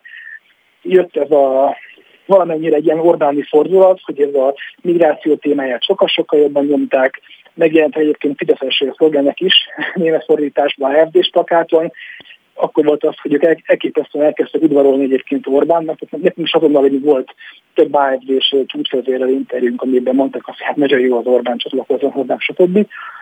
Um, és, és ez, hogy a párt jobbra tolódott, és úgymond az értelmiségi hátországától eltávolodott, egyre inkább ment a, a, német politikának a legszélső jobb oldala az NPD felé. Ugye ez egy ilyen neonáci párt, ami lényegében csak Kelet-Németországban van jelen, és a KFD így lett kvázi egy ilyen valamennyire Kelet-Németországban jelenlévő, a protest hangulatot a, és a protest voksokat a linkjétől elszedő elégedetleneknek a pártja. És, és, és milyen média is kellett ehhez, amely a, az értelmes AFD-seket nem hívta be talksokba, amely nem adott neki terepet, és a pártól inkább ilyen kifejezetten negatív tudósításokat hozott végig. De maga a párt sem tett azért sokat tényleg, hogy, hogy, hogy úgymond az értelmesebb arcait tegye ki a kirakatban. Most meg egészen, tehát most az egyik hangadó az a Björn Szöke, akiről sokszor még a versenytársa sem tudják, hogy milyen neve, mert ugye a német viszont is valahogy még Bent Hökének hívják, mert ez a szép német név. Um, és tehát ő, ő meg tényleg egy ilyen elképesztően megnáci körnek így a, az egyik ilyen, nem tudom, bábúja talán a, a, a párton belül, és neki a, a bűzkörében vannak nagyon sokan.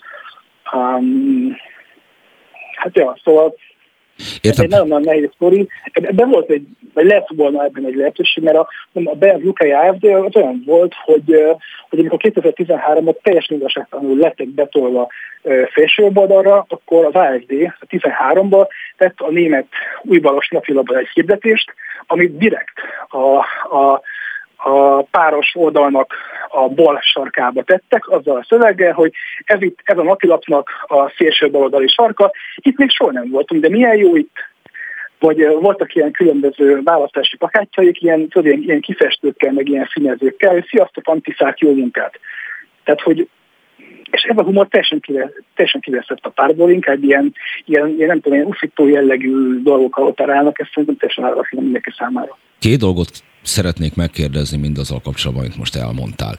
Magától értetődő természetességgel használtad a borzalmas tagság kifejezést. Te ezt tudod honnan jön? Az MDF-ből, ha jól tudom? E, majdnem. Az MDF-ből egyébként igen, de ez nem sokkal az MDF szakadás előtt és az MDF MDMP-s részéhez kötődik. Szabó Iván mondta uh-huh. a 94-es uh-huh. bukások után. Uh-huh. Csak ezt azért kérdezem tőled, mert közöttünk van jó pár év, vagy néhány év, innen nézve néhány, onnan nézve jó pár, és és hogy vannak ezek a kulturális referenciaként szolgáló szófordulatok, hogy ezt uh-huh. egy 1991, 91-es vagy? Uh-huh, uh-huh. 91-ben született ember, egy 1994-ben elhangzott mondatot, azt hogyan emel be a szavai közé, és tudja-e, hogy mi ez. Így egyáltalán honnan értesült róla, de ugyanilyen az álliberális férgek és dökkesejük szaggatják Trianontól megcsonkított édes hazánk testét, Tornyáni Áda is, ami jön velünk, és még egy csomó minden más, uh-huh. hogy ezeket te mondjuk felcsipegeted a, abból a közösségből, közegből, amelyben vagy, akkor saját kortársait között, ez, ez, ez, ez ebben nem vagy idegen? Most nem, nagyon úgy hangzik, mint hogy, hogy nem, tehát nem tudom. Uh, um, Furcsa volt simán egyszerű. vagy hogy nem tudom. Um, most, ha ilyen, ilyen magánéletű, nem tudom mire vagy kíváncsi, nekem általában ugye a barátaim, ismerőseim többsége tény, hogy egy kicsit nálam idősebb, de nem gondolnám, hogy, az, hogy ez azért van, mert mit tudom én, nem tudom, mit olvasok, vagy mi, őket tartom érdekes embereknek. De én ennek eddig ilyen generációs, nem tudom, um, jelentőséget nem tulajdonítottam de nagyon izgalmas megfigyelés. Nem tudom, teszteltelek igazából, és a saját munkámat uh-huh. akartam ilyen módon megkönnyíteni. Ugyanis ha ezeket a fordulatokat uh-huh. mi szakmányban alkalmazzuk, akkor elképzelhető, hogy mondjuk elzárkul, elzárjuk magunkat egy bizonyos közönségtől. E, ezt próbáltam uh-huh. levágni, hogy uh-huh. mert ezeket érted, uh-huh. velünk, velünk, velünk öregedtek ezek a kijelentések, e, és hogy lehet... Uh-huh lehet, hogy 20 évesnek nem mond semmit. borzalmas tagság, ennek, hogyha úgy mondom, hogy borzalmas tagság, ez, ez, ez mint, mint, mint egy sima jelző, meg egy sima földér, mert úgy is működik az AFD-re. Tehát, hogy nem, nyilván itt, itt ezt a, a magyar közbeszédben meggyőkeresedett szófordulatot használtam, de nyilvánvalóan ez az idézőjel nélkül is teljesen passzol az AFD-re. Jó, a másik, amit meg akartam kérdezni, amit az AFD ami felmerült bennem, amit az AFD közben mondtál, amikor arról beszéltél, arról a jól ismert jelenség, amit a magyar kormánypárti sajtó is előszeretettel zenésített meg, hogy mennyire próbálták Orbán Viktor társaságát keresni, és mennyire tarkintették mértékadónak, hogy akár volt ö, egyetemi társaiddal, Frankfurt egyetemi társaiddal, akár édesanyád rokonságával tartod a kapcsolatot? Persze. Tehát van egy intenzív német ö, eszmecseréd. Hát hol, mikor, mennyire intenzív, igen. Ott szóba kerül politika? Azt akarom megkérdezni, azt akarom kifuttatni, hogy, hogy első kézből hogyan látnak minket, és hogyan látják kifejezetten Orbán Viktort, ha ez egyáltalán hát, szóba ha felhozom, kerül. Ha felhozom, akkor van, de inkább azt látom, hogy nem nagyon akar senki se politikálni. Tehát, hogy nyilván olvasnak Orbánról, és amikor ide jönnek Magyarországra, akkor meglepődnek, hogy hát ők, ők azt hitték, hogy itt, itt tényleg nagyon rossz a helyzet. Szerintem múltkor egy Dán lányjal szembesültem ezzel, aki, aki értesült róla, hogy magyar újságíró vagyok, és egyszerűen nem értette, hogy miért nem vagyok börtönben. Hmm. Na jó, csak ezért kérdezem, a, hát ha te még, mégis szóba hozod ezt, akkor erre mik a reakciók? Most azon túl, hogy meglepődnek és más tapasztalnak, mit mondanak rólunk, mit mondanak a politikai rendszerünkről, mit mondanak a miniszterelnökről? Uh-huh. Hát én inkább őket szoktam egyébként cseszegetni, tehát hogy én, én kihasználva a lehetőséget általában különbözőtek nekik ilyen videókat, például most, hogy a lockdownban volt ez a több német színész felszólalt a lockdown mert ott inkább én küldözgettem videókat, mint sem, hogy tőlük vártam volna Orbán ügyi megmondást. Um, és ott egészen izgalmas reakciók jöttek, tehát hogy tökre egyetértettek vele.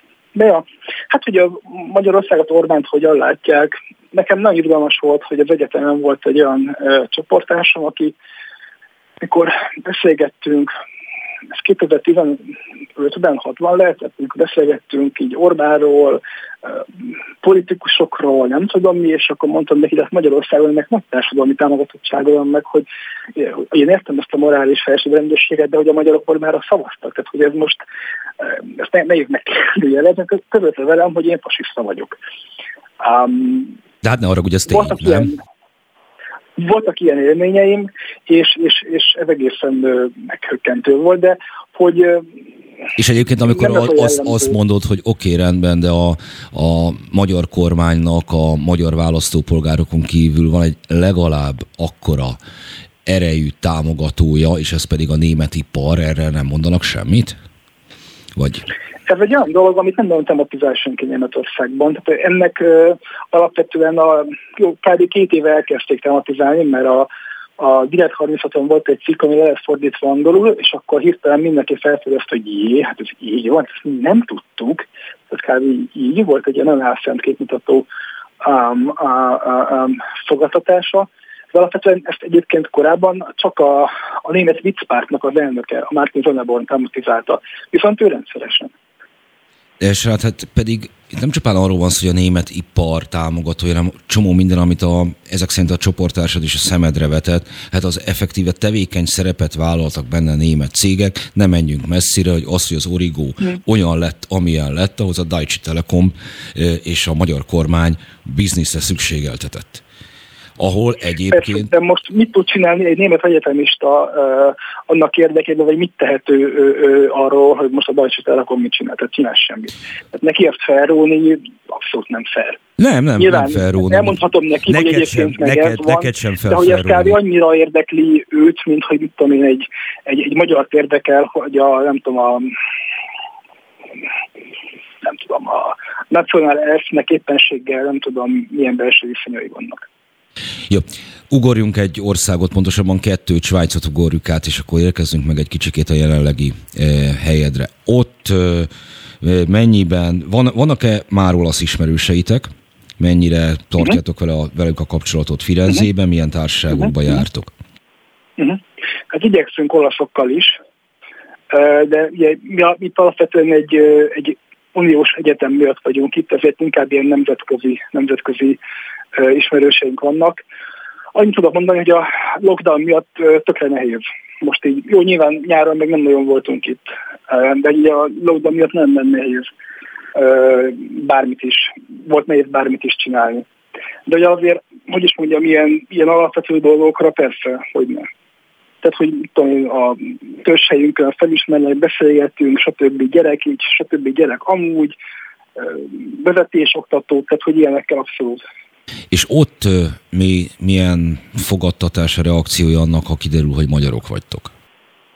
Nagyon pozitív. Ez Firenzében nyilván, tehát ugye Firenzéről azt kell tudni, hogy a, a, a Cvak család az ugye itt uh, települt le, itt élnek uh, mai napig családtagjaik. Izabella, Izabella, a, nekem osztálytárs, oszt, osztálytársam egy, volt egy, a Radnótiban. Na, na, hát látod. Tehát, hogy a, az Unikum az minden kocsmában kiemelt helyen van um, és, és, és abszolút uh, szeretik, tisztelik, stb. Egyébként uh, a Stefano Bottoni, aki most a Firenzei Egyetemen tanít, neki volt egy nagyon jó interjú az azonnal velünk, amire ő tök jól elmondta, hogy, hogy az olaszoknak általában milyen sztereotípek jutnak eszükbe a magyarokra, és ő azt mondta, hogy a, az első az általában az, hogy egy olaszhoz hasonlóan nagyon fasiszta nép, és ez az egyik ilyen fő sztereotípia. Ami ráadásul messze menőkig nem igaz. Nagyon-nagyon-nagyon más, más, más karakterekről beszélünk. De például azért kérdezem én ezt meg, hogy a tájékozottság mekkor most azon túl, hogy időközben az történt, hogy mindannyian közösen lettünk uniós tagok, tehát németekkel is, meg az olaszokkal is.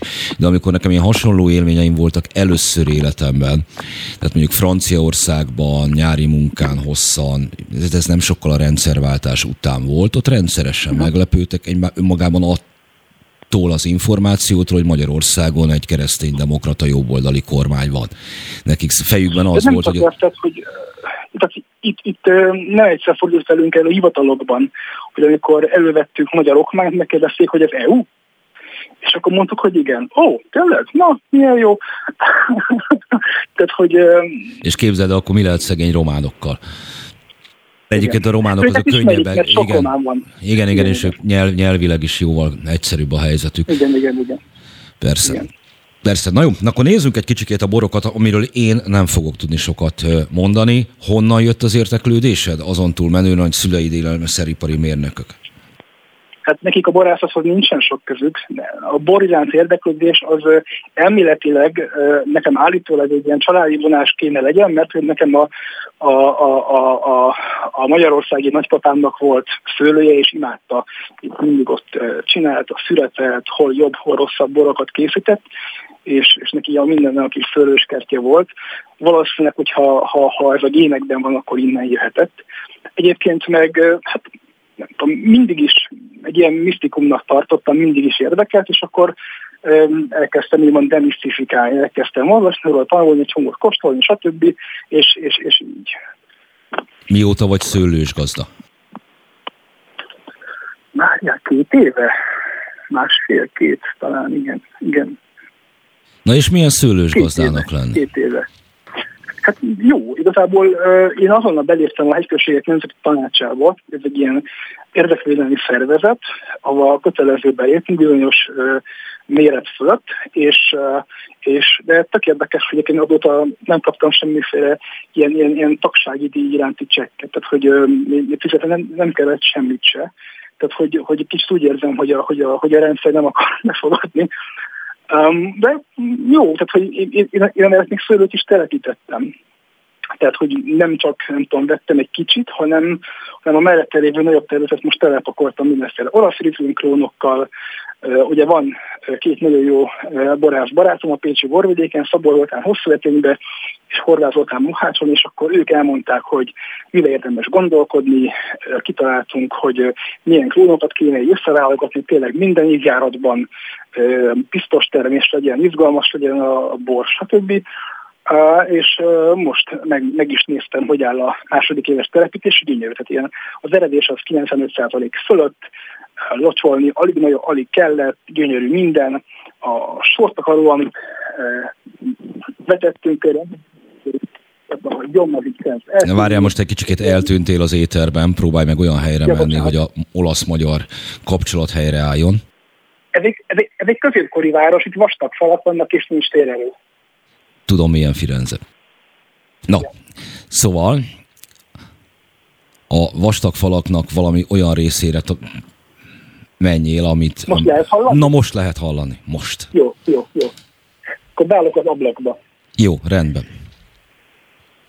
A szőlőknél tartottunk, és a telepítésnél. Tehát nagyon-nagyon szép. A sortakaró is, a, a gyomok kiszorulnak, nem tudom, mire vagy még kíváncsi. Arra, hogy például Olaszországból, ezt Firenzéből te hogyan menedzseled? Úgy nagyon jó. A, a 2021-es évjárat az egy olyan évjárat volt, amikor egyszer permeteztem csak, és nem kellett többet permetezni. Tehát, hogy például a Szabódoli mesélte, hogy ő háromszor permetezett, többet abból is csak megszokásból. És hogy a, hogyha, hogyha a globális műveltetás miatt van, és a felmelegedés miatt van, akkor az nagyon jót tesz a fős gazdákkal, legalábbis idén. Hát nézd, Baranya az ebből a szempontból kilógott. Vannak olyan települések, ahol banánfák vannak majdnem minden kertben. Az a mi mediterráneumunk. Oké, okay, de mennyit kell hazajárni hozzá, vagy van volt valaki, aki figyel rá? Van valaki, igen, igen, aki, aki, aki nagyon lelkiismeretesen figyel rá, de mondjuk idén semmit nem kellett lényegében csinálni, egy darab kaszáláson kívül, tehát annyira jó volt az egész évjárat. Te Győrben nőtél fel, aztán Pestre költöztél, Frank... Moson-Magyaróváron. Moson-Magyaróváron. Jó, Moson-Magyaróvár is város. Ráadásul akkor a második Moson-Magyaróvári vendégem vagy, mert a Szarka Karcsi, aki volt itt a könyve megjelenése után, ő szintén Móvári, hogy Moson-Magyaróvár, Győr, Pest, Frankfurt, most Firenze, Gondolom azért nem csak egy permetezésre ugrasz le a szőlőbe, hanem akkor ott eltöltesz valamennyi uzamosabb időt is. Mennyiben más ilyen városi gyereknek hirtelenjében szőlős gazdának lenni? Milyen élmény? Hát nagyon jó.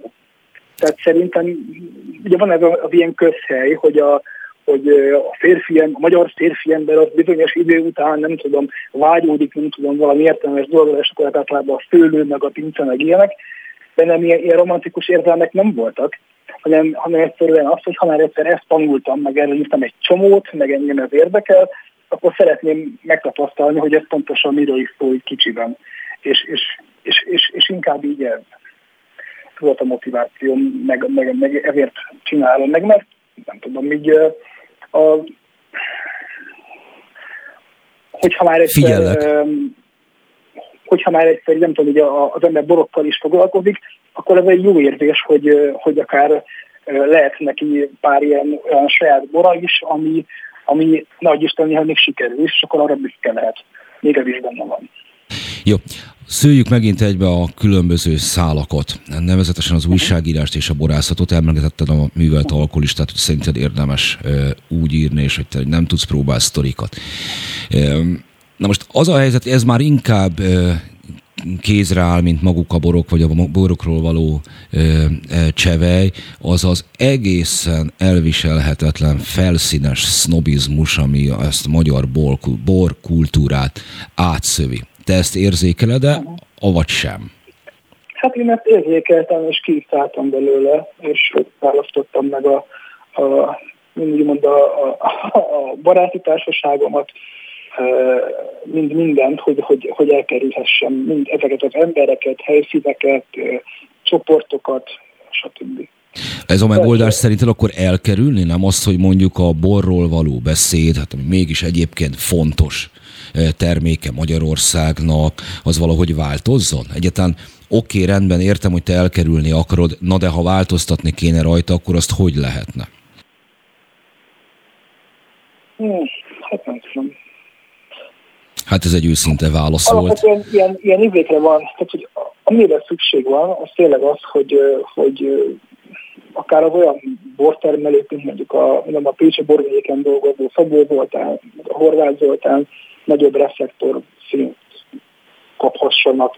Tehát, hogy ők képesek tényleg a, pont a Fishing Orfű Fesztiválon van egy ilyen borkostó sorozat, ott a hegyének a legtetején, ahol a borászok egymást szivatják, közben pedig a borokat töltik ki az ember, akik pedig miközben kóstolják, őket nevetnek, és itt tanulnak. Tehát, hogy, hogy azért van egy ilyen, egy ilyen, egy ilyen missziós tevékenységük nekik, de miközben pont megjöttek ki a 24 ponton olvastam, hogy a magyar boroknak az új szlogenjei, és hogy pont a Pannon borrégiót, ugye Villány, Szexárt, Pécs és Tolna négy borvidékét most azt hiszem azzal reklámozzák, hogy borok, völgyek és te, és ez lenne az a, monda, az, a, az a szlogen, ami el kell hagyja a borokat.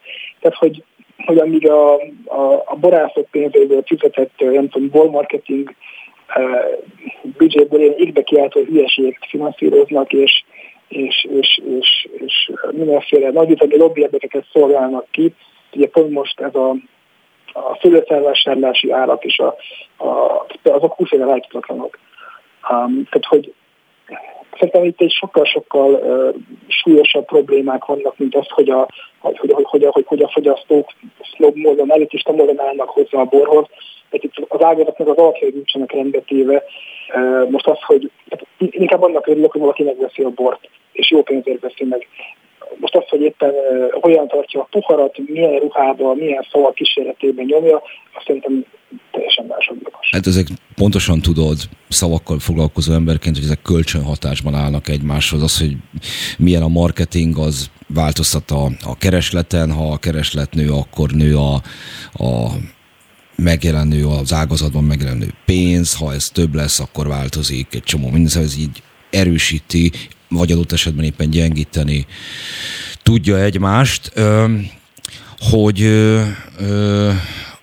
azt akartam még tőled kérdezni, ha, ha csak a borról nincsen valami más mondani valód még. Hát én még erről annyit, hogy persze, de alapvetően nyilván mindenki kiválaszthatja, hogy melyik az a, az a boros gazda, melyik az a boros rendezvény, melyik az a borbár, melyik az a kocsma, hova szívesen jár, és, és abszolút nem kötelező, és kötelező egymást mert akár ez a, ez a két kultúra is. Tegnap találkoztam a Ceglédivel, aki volt lent nálad, amikor csináltatok habzóbort. Én őszintén szólva megmondom neked, amióta közös ismerőseink Böcskei Balázs és Békés Márton megírták azt, hogy a rozéfröccs az tönkrevágta Józsefvárost. Én, ha nem sört iszom, akkor csak is kizárólag a rozéfröccsöt iszom az emlékükre. Ez mennyiben szentségtörés? A rozéfröccsöt inni? Uh-huh. Hát nem tudom. Mindek után nem Steigert iszol, vagy kólát, vagy sört, hanem a magyar borokat támogat, ez egy nagyon dicséretes dolog. Oké, okay, rendben, akkor nem kell, hogy szégyeljem magamat miatt, amitán két főváros értelmiségi megírta azt, hogy, hogy hát, hát olyat ember nem iszik. Nem, abszolút nem. Abszolút nem. Hogyha ízlik, akkor ez a legjobb dolog, amit tehetsz magaddal. Nagyon szépen, köszönöm, felmentésem van. Mert egyébként a, a rossz trend kezd visszafordulni, legalábbis így azt látjuk páron, hogy megint inkább a, a fehér borból isznak fröccsöt az emberek. Valahogy ez a, ez a rozé talán, legalábbis a Fishing Minority Bor Fesztiválon most ez, ez nagyon-nagyon nyilvánvaló lett nekünk. Ja. De miért ott kim volt a pincészetetek? Hát a, én, én, én kivettem szabadságot azon, azon maginál, hogy a Szabor Zolinak dolgozhassak és napi 12 órában álltam a pult mögött. De és ott miért találkoztunk, miközben fenn is voltam ott? Nem tudom, nem tudom. Hát ez, ez nagyon helytelen dolog. Jó, beszéltünk az óra elején arról, hogy körülbelül azt mondtad, hogy az a, az a fajta vók nyomulás, ami van a mm, nemzetközi médiában, szerkesztőségekben, az körülbelül azt mondtad, hogy ilyen buborékokra fogja bontani a, a, az egész közéletet, hogy mindenkinek meg lesz a, a saját ilyen idolja, aki elmondja az ő igazságát, és majd mindenki arra figyel. De most, amikor a borok szóba kerültek, és arról beszélte, hogy te személyesen igyekszel nem részt venni olyasmiben, ami, ami idegesít. Hogy ezek ilyen egyéni, elkerülő stratégiává váltak.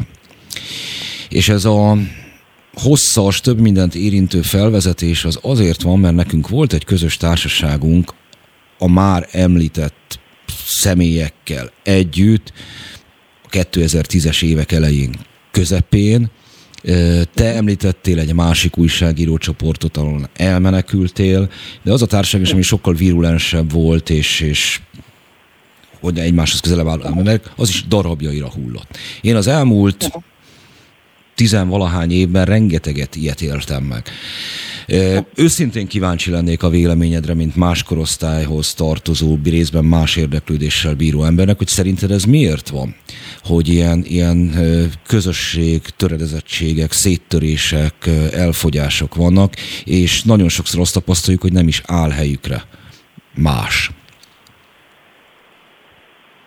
Hát nyilvánvalóan itt tudom, egók sérülnek, ami emberek összevesznek egymással, sértettek lesznek, feltételezem, hogy ilyenek eltérő élethelyzetbe kerülnek.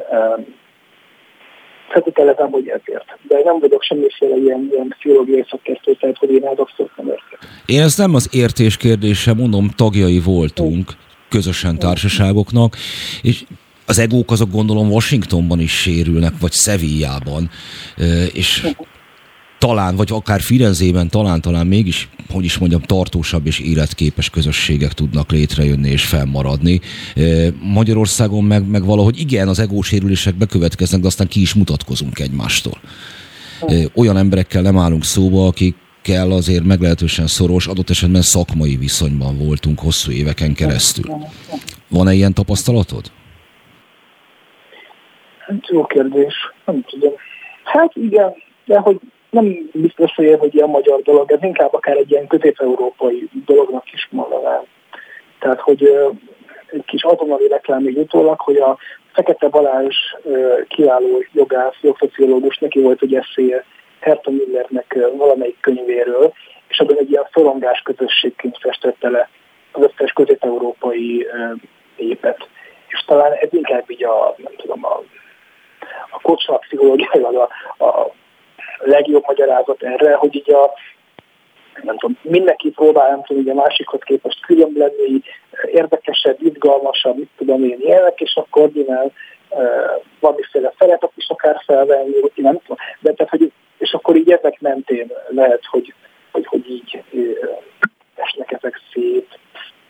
De mondom, tehát, hogy így ez különösképpen nem érdekel már, vagy nem tudom, azóta egy, egy, idő után, hogy így a magyar újságíróknak a lelkével, nem tudom, hogy mi van ezekben a csoportokban, tehát hogy nem véletlenül reklámozzuk magunkat most a Gemist hírlevélnél azzal, hogy ezt olyan emberek írják, akik nem Magyarországon élnek, akik, akik, akik a távolság miatt talán jobban rálátnak arra, hogy mi folyik, akik jobban látják azt is, hogy külföldről hogyan látnak minket, de mégis azért a, a, a korábbról jövő ilyen, meg egyébként külföldön lévő benfentes insider kapcsolataikból meg tudnak hozni olyan információkat, amiket még egyébként Magyarországon is tök érdekes lehet az olvasóknak. Tehát, hogy mi most inkább így e felé próbálunk, nem tudom, így tendálni és mozogni, és nem annyira egy ilyen pszichológiai, nem tudom, önképzőkört nyitni, hogy akkor most nézem a magyar újságírásban. Nem, ezt én kérdeztem, nem, nem kellek egy itt én, én tettem egy erre vonatkozó kérdést. Tartósan Firenzében vagy máshol külföldön képzeled el az életet? Én abszolút, én abszolút, hogy és... De szerintem az egy tök jó dolog, hogy az Európai, hogy az EU-nak tagjai vagyunk, és ez az Erasmus generáció, így mondom, hogy én soha nem voltam Erasmuson, de hogy ez az Erasmus generációnak szerintem, mert tökre természetes, hogy ha teheti, akkor ott éljen, ahol ő szeretne, akár Magyarországon is. Azzal kapcsolatban ez azt hiszem, hogy ezek ilyen folyamatosan be nem vált remények voltak, mert voltak olyan elképzelések, hát még Matolcsi György is értekezett hosszan róla, hogy a külföldön élő, dolgozó, tanuló magyarok adott esetben, ha kinn is maradnak, az ilyen aranytartalékát jelenti az országnak. Eddig nem csupán, hogy ez nem jött be feltétlenül, noha nyilvánvaló rengeteg hazautalás van, ami a magyar gazdaságban azért látszik, de hogy eh, hogy azok a, a virulens kapcsolatok, amelyek lehetnének, amelyet az internet most már lehetővé tesz, sem, sem, sem lennének. A, hát ez ne haragudj, a Momentum az micsoda, vagy te Momentum tagadó vagy? Jó, egy nagyon rossz vicc, de hogy uh, igen, ez most... A, mi a kérdés? Na ez most, várja, most én akadtam egy kicsikét ele a Momentumnál, én tudom értelmezni, tehát hogy a Momentum az micsoda, nem tudom, azt ne, ne én akarjam hát, elmondani. Hát ugye a Momentum reklámozza magát azzal nem, hogy ők azok, akik külföldön tanultak, dolgoztak, és hazajönnek megmenteni Magyarországot nagyon kiválóan sikerült, tehát ért, Gyurcsány Ferenccel megmenteni Magyarországot, az, az, az másnak még nem jutott eszébe, az valóban egy Erasmus hát de generáció hát van két jó van, van két értéképviselők, a Macronnal tudnak közösen szelfízni. Hát miért ha nem eredmény? A Gyurcsány mikor szelfízik a Macronnal? Na ugye. Hát valószínűleg a közös ö, ö, helyre kerülnek, vagy el Macron elmegy főzni hozzá. De arra akartam utalni, hogy azért még van egy feladat, tehát, hogy mint ahogy az íreknél, örményeknél, lengyeleknél és a többiknél egymással kapcsolat tartó háló, emberek hálózata lehet ez is, mintha olybá tűnt volna, hogy benned is van erre egy igény, hogy máshol élő, de hát magyarok, hangsúlyosan magyarok, azoknak valami fórumot teremteni. Egyébként ez szerintem nagyon izgalmas vállalkozás lenne. Ja, igen, de hogy szerintem a magyar egy sokkal ennél egyénieskedő. Tehát nem olyan, mint a, a román, aki, aki hogyha nem tudom, tehát például itt Firenzében van három román volt. Van egy Decebal, egy Mix Market, nem tudom, valami magazin Rominesque, tehát három román volt is, vannak, tele vannak románokkal, és román termékek vannak, és mindenki imádja őket, és ott vásárol. Tehát, hogy nem nagyon látok magyar boltokat például, még Berlinben se, ahol ugye viszonylag nagy liberális diaszpóra van. Um, tehát, hogy szerintem nincs meg a magyarokban ez a fajta ilyen, ilyen, ilyen, ilyen nem tudom, ilyen valamiféle egészséges nacionalizmuson alapuló összefogás kényszer, vagy összefogás, vagy, vagy, vagy nem tudom, ilyen, ilyen közösségformáló valami. Én csak elég csak információt csere. románban, stb. Inf- információ csere az, az valamennyire van, van egy csomó ilyen csoport, hogy azért nem tudom, magyarok Olaszországban, stb., de például az a, az a csoportok maga a halál, mert valaki, akárki bekommentel és segítséget kér, az első kommentelő rögtön közével, hogy ő meg még nem tudja. Jó, Martin, nagyon szépen köszönöm, hogy rendelkezésemre álltál. Ha valami még úgy beléd ragadt, és úgy gondolod, hogy azt most nem mondod el az éterbe, akkor tedd meg most, vagy hallgassál róla mindörökké. Mert mindenki fizessen elő a Gemis nevű hírlevélben. Nagyon-nagyon fontos. Nagyon-nagyon jó lett mindenkinek. Ígérik a Facebookon bekérni egy Gemist, és akkor ott ott lehet rá előfizetni. Ott veled fognak találkozni. Nagyon szépen köszönöm, hogy itt voltál, minden jót kívánok nektek. Köszönöm a, a napfényes Toszkánából. Meg a napfényes kőbányáról akkor elbúcsúzunk, érezzék magukat jól az elkövetkezendő időszakban is. Velem legközelebb a jövő héten fognak találkozni. Bukovics Martinnak pedig köszönöm még egyszer, hogy itt volt velünk. Szerbusz, viszont hallásra.